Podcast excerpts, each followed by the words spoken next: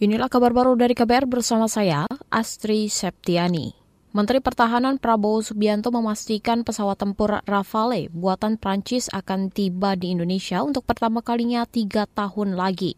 Prabowo mengatakan nantinya setiap bulan akan datang satu unit pesawat tempur hingga lengkap. Hal itu disampaikan Prabowo usai menjajal pesawat C-130J Super Hercules di Lanut Halim Perdana Kusuma, Jakarta hari ini. Pesawat Hercules itu bagian dari alutsista TNI yang resmi dia serahkan kepada TNI AU. Mungkin uh, skadron pertama akan akan siap operasional kira-kira 4 tahun lagi ya. 48 bulan lagi skadron pertama. Dari sekarang sampai 4 tahun kita butuh suatu kekuatan deterrent. Nah itulah maksudnya kita mencari uh, pesawat fighter interim yang bisa segera kita gunakan.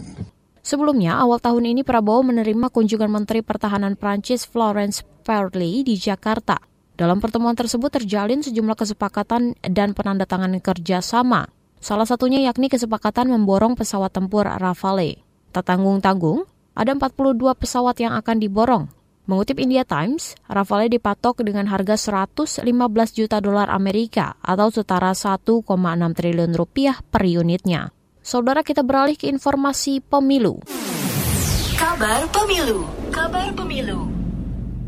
Komisi Pemilihan Umum atau KPU dan Badan Pengawas Pemilu Bawaslu diminta memenuhi hak-hak penyandang disabilitas pada pemilu 2024. Ketua Umum Komisi Nasional Disabilitas atau KND Dante Rikmalia mengatakan, penyelenggara pemilu harus bisa mengakomodir hak-hak kelompok disabilitas.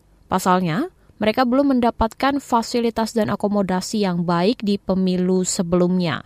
KNDRI menyatakan sikap dalam kesempatan kali ini dan kami ingin menyampaikan KRI mendorong agar Komisi Pemilihan Umum KPU, Badan Pengawas Pemilu Pemilihan Umum Bawaslu, Kementerian dan instansi terkait lainnya dapat menjamin aksesibilitas dan akomodasi yang layak bagi penyandang disabilitas dalam rangka pemenuhan hak-hak penyandang disabilitas pada pemilu tahun 2024. Ketua Umum Komisi Nasional Disabilitas atau KND dan Terik Malia menambahkan, pihak KPU harus segera melakukan pemutakhiran data pemilih penyandang disabilitas di pemilu mendatang.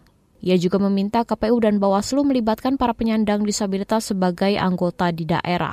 Sebelumnya, KPU memastikan sekitar 1,1 jutaan penyandang disabilitas sudah tercatat dalam daftar pemilih tetap atau DPT Pemilu 2024.